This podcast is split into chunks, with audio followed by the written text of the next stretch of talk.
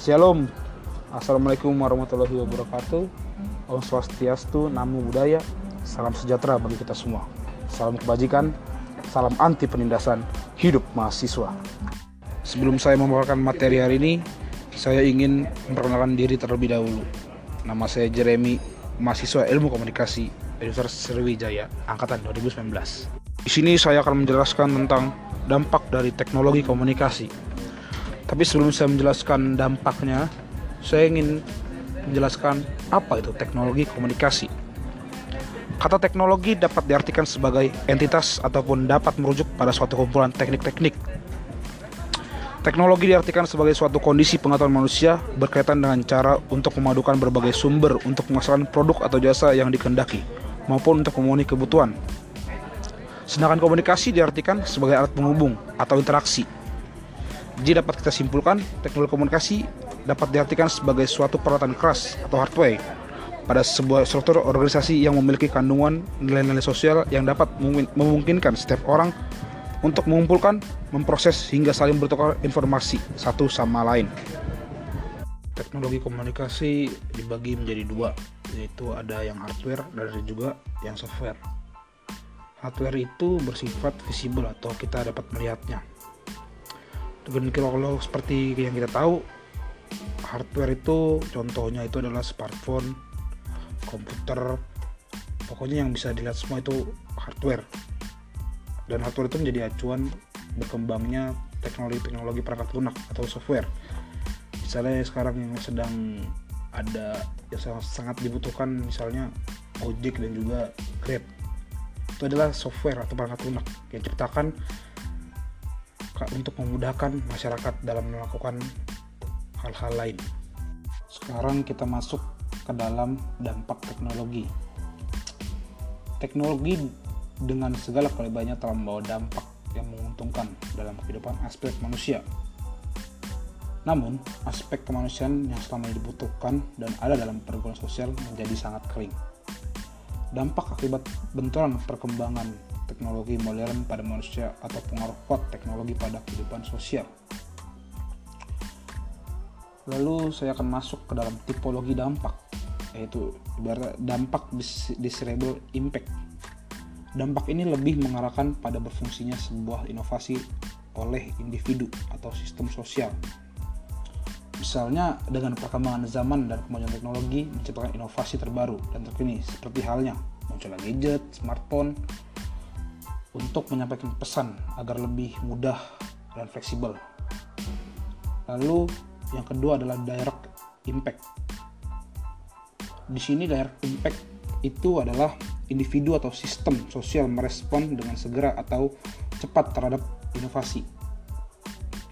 Misalnya itu jika misalnya ada smartphone atau handphone yang diluncurkan dengan menggunakan layar sentuh atau touchscreen masyarakat atau individu langsung secara cepat merespon dengan inovasi tersebut. Lalu yang ketiga adalah anticipate impact atau perubahan yang terjadi yang dapat diantisipasi karena inovasi telah diketahui atau dikenal sebelumnya oleh anggota sistem sosial.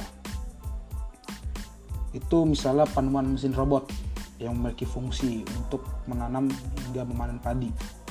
Atau juga untuk membuat mesin seperti mobil dan juga motor yang lebih lebih efektif atau lebih cepat lah ibaratnya. Lalu adalah undesirable impact. Dampak ini mengarahkan pada ketidak berfungsiannya sebuah inovasi oleh masyarakat atau sistem sosial. Misalnya, ketika seorang individu atau sistem sosial tidak mampu menerima perkembangan teknologi, maka inovasi yang diluncurkan pun akan sia-sia dan tidak berfungsi atau berjalan sebagaimana mestinya. Lalu yang keempat adalah indirect impact. Terjadi perubahan pada individu atau sistem sosial setelah terjadi dampak langsung. Misalnya itu ketika masyarakat berbondong-bondong membeli handphone dengan layar sentuh. Maka terjadilah perubahan di masyarakat yang awalnya menggunakan gadget dengan layar yang tidak bisa disentuh lalu berubah menjadi masyarakat yang menggunakan gadget dengan layar yang dapat disentuh. Lalu yang terakhir adalah unanticipated impact atau perubahan yang terjadi tidak dapat diantisipasi karena inovasi belum diketahui atau dikenal sebelumnya oleh anggota sistem sosial. Ini misalnya ibaratnya gardu-gardu otomatis di jalan tol. Sekarang gardu ini emang memang gardu ini mempermudah perjalanan yang hanya nempel kartu udah kebuka udah bisa jalan. Itu mungkin dampak positifnya. Tapi yang negatifnya menurut saya itu lapangan pekerjaan bisa berkurang karena karena digantiin oleh robot-robot jadi orang yang ingin ibaratnya terak, pekerjaan terakhir ingin menjadi penjaga gerbang akhirnya semakin berkurang dan digantikan oleh gardu-gardu tol otomatis. Kemudian saya akan menjelaskan dampak negatif teknologi menurut A.B. Parker dalam buku Technological Change and the Mass Media. Yang pertama, terjadinya monopoli dalam pengelolaan, penyediaan, dan pemanfaatan informasi. Kesenjangan akan selalu ada di muka bumi, dan begitu pun kesenjangan arus informasi yang ada. Munculnya teknologi komunikasi menyebabkan arus informasi dari negara maju ke negara berkembang adalah tidak seimbang. Ketidakseimbangan ini menyebabkan masyarakat negara tertentu lebih banyak mengkonsumsi informasi dari negara yang maju, sehingga memungkinkannya munculnya kolonisasi. Bukan taktik imperialisme dalam menaklukkan negara lain melalui akuisisi, akuisisi tanah dan wilayah, melainkan berupa penjajahan melalui arus informasi dan komunikasi. Dua adalah tidak meratanya distribusi informasi monopoli informasi akan menyebabkan tidak meratanya distribusi informasi. Penguasaan teknologi oleh swasta menyebabkan orientasi informasi lebih banyak pada keuntungan bisnis. Jika demikian, maka distribusi informasi hanya mengalir pada mereka yang secara finansial mampu membeli teknologi. Yang ketiga adalah kurangnya isi pesan yang bersifat edukatif.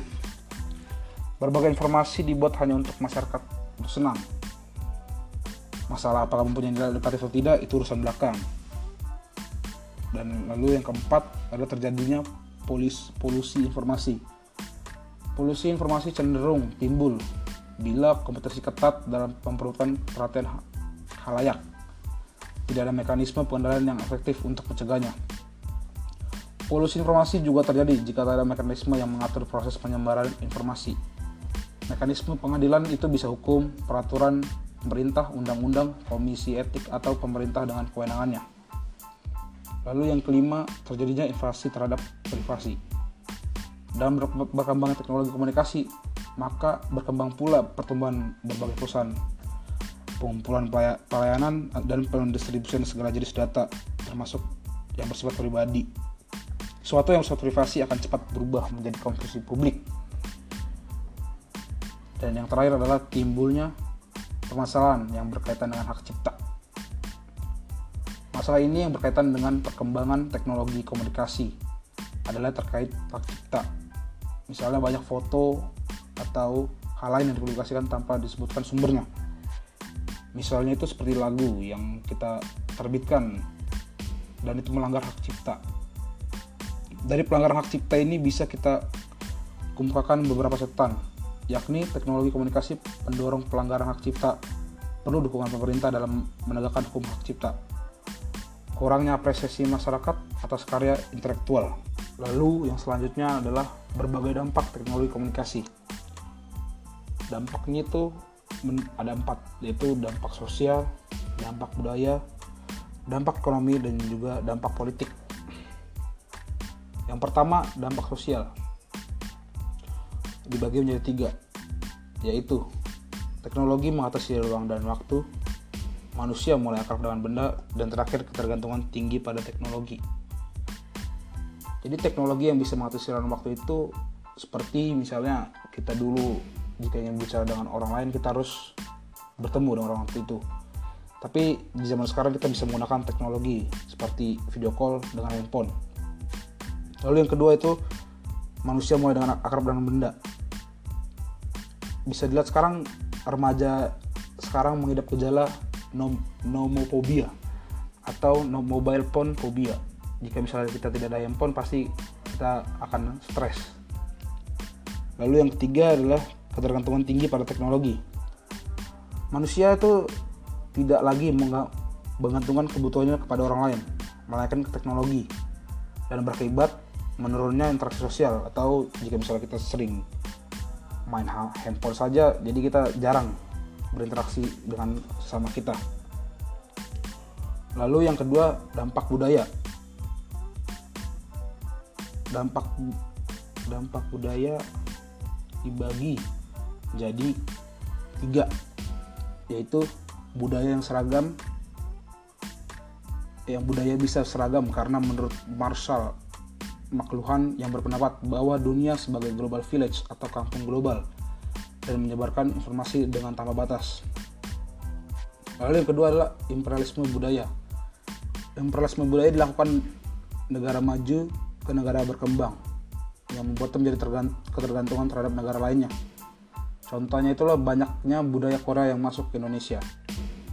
Yang ketiga adalah lunturnya cinta budaya diri sendiri Imperialisme menciptakan budaya seragam.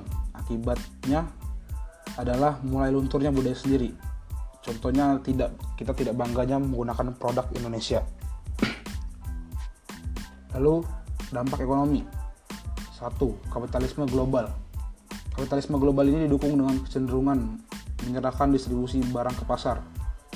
Artinya fenomena muncul kebebasan pasar dan pasarlah yang berperan dalam distribusi barang dan jasa industrialisasi. Aspek produksi yang menggunakan mesin akan menjadi pilihan utama. Sementara manusia hanya operatornya dan akhirnya tenaga manusia pun akan digantikan dengan mesin. Contohnya sistem cetak jarak jauh. Yang ketiga adalah efisiensi biaya. Perusahaan bisa menghemat biaya produksi dengan menggunakan mesin dan hanya memperkerjakan sedikit manusia saja. Menghemat waktu dan uang. Ataupun kita bisa menghemat waktu dengan menggunakan ATM. Lalu yang terakhir adalah dampak politik. Demokrati, demokratisasi. Teknologi komunikasi juga berpengaruh dalam mengubah ideologi suatu negara. Seperti Uni Soviet yang awalnya merupakan negara komunis, namun belum menjadi demokratis karena berkomunikasi secara terbuka dengan negara lain, seperti Amerika. Yang kedua adalah penjajahan politik. Penjajahan politik adalah sebuah negara yang mengadopsi sistem politik negara lain. Bisa dikatakan terjajah secara politik, bukan dalam bentuk fisik, namun ketergantungan dalam sistem politik antar negara. Seperti negara adidaya yang sering ikut campur urusan politik negara lain, karena punya aset-aset negara yang sedang mengalami konflik tersebut. Lalu yang ketiga adalah transparansi politik. Teknologi komunikasi juga berdampak pada transparansi politik atau keterbukaan dalam sistem pemerintahan. Contohnya, pada masa Orde Baru, yang mengharuskan mencoblos satu partai yang berwarna kuning. Yang terakhir adalah antisipasi dampak dibagi menjadi tiga, yaitu literasi teknologi, peran pemerintah, dan kesadaran masyarakat. Yang pertama itu adalah literasi teknologi, yaitu dapat diartikan sebagai kemampuan dalam menggunakan dan memanfaatkan teknologi seperti internet untuk mengakses dan menyebarkan dan mengkomunikasi informasi secara efektif.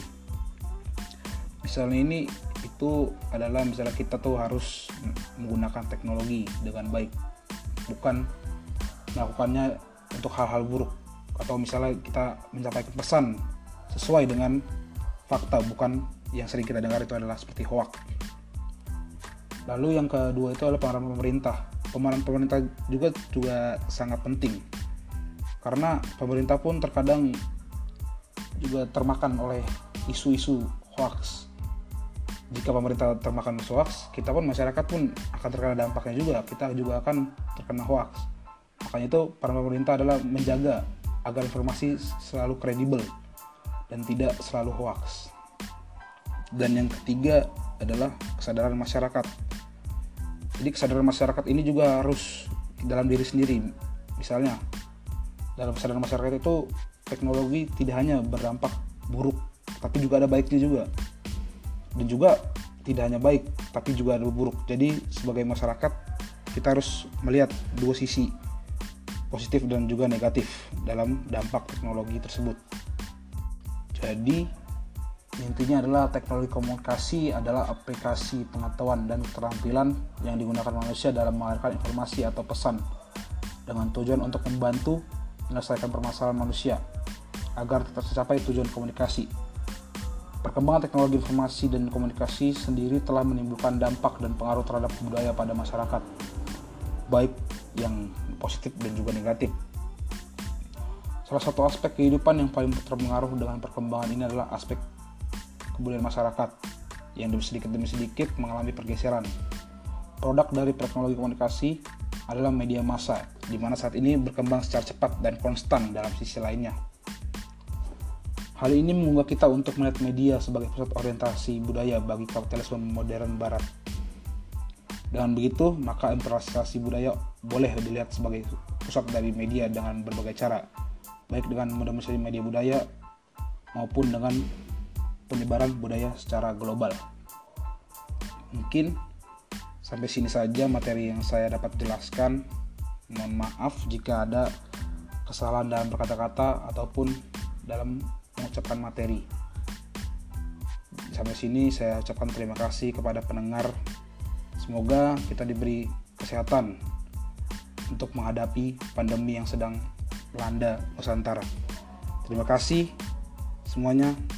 Selamat pagi, siang, sore, dan malam.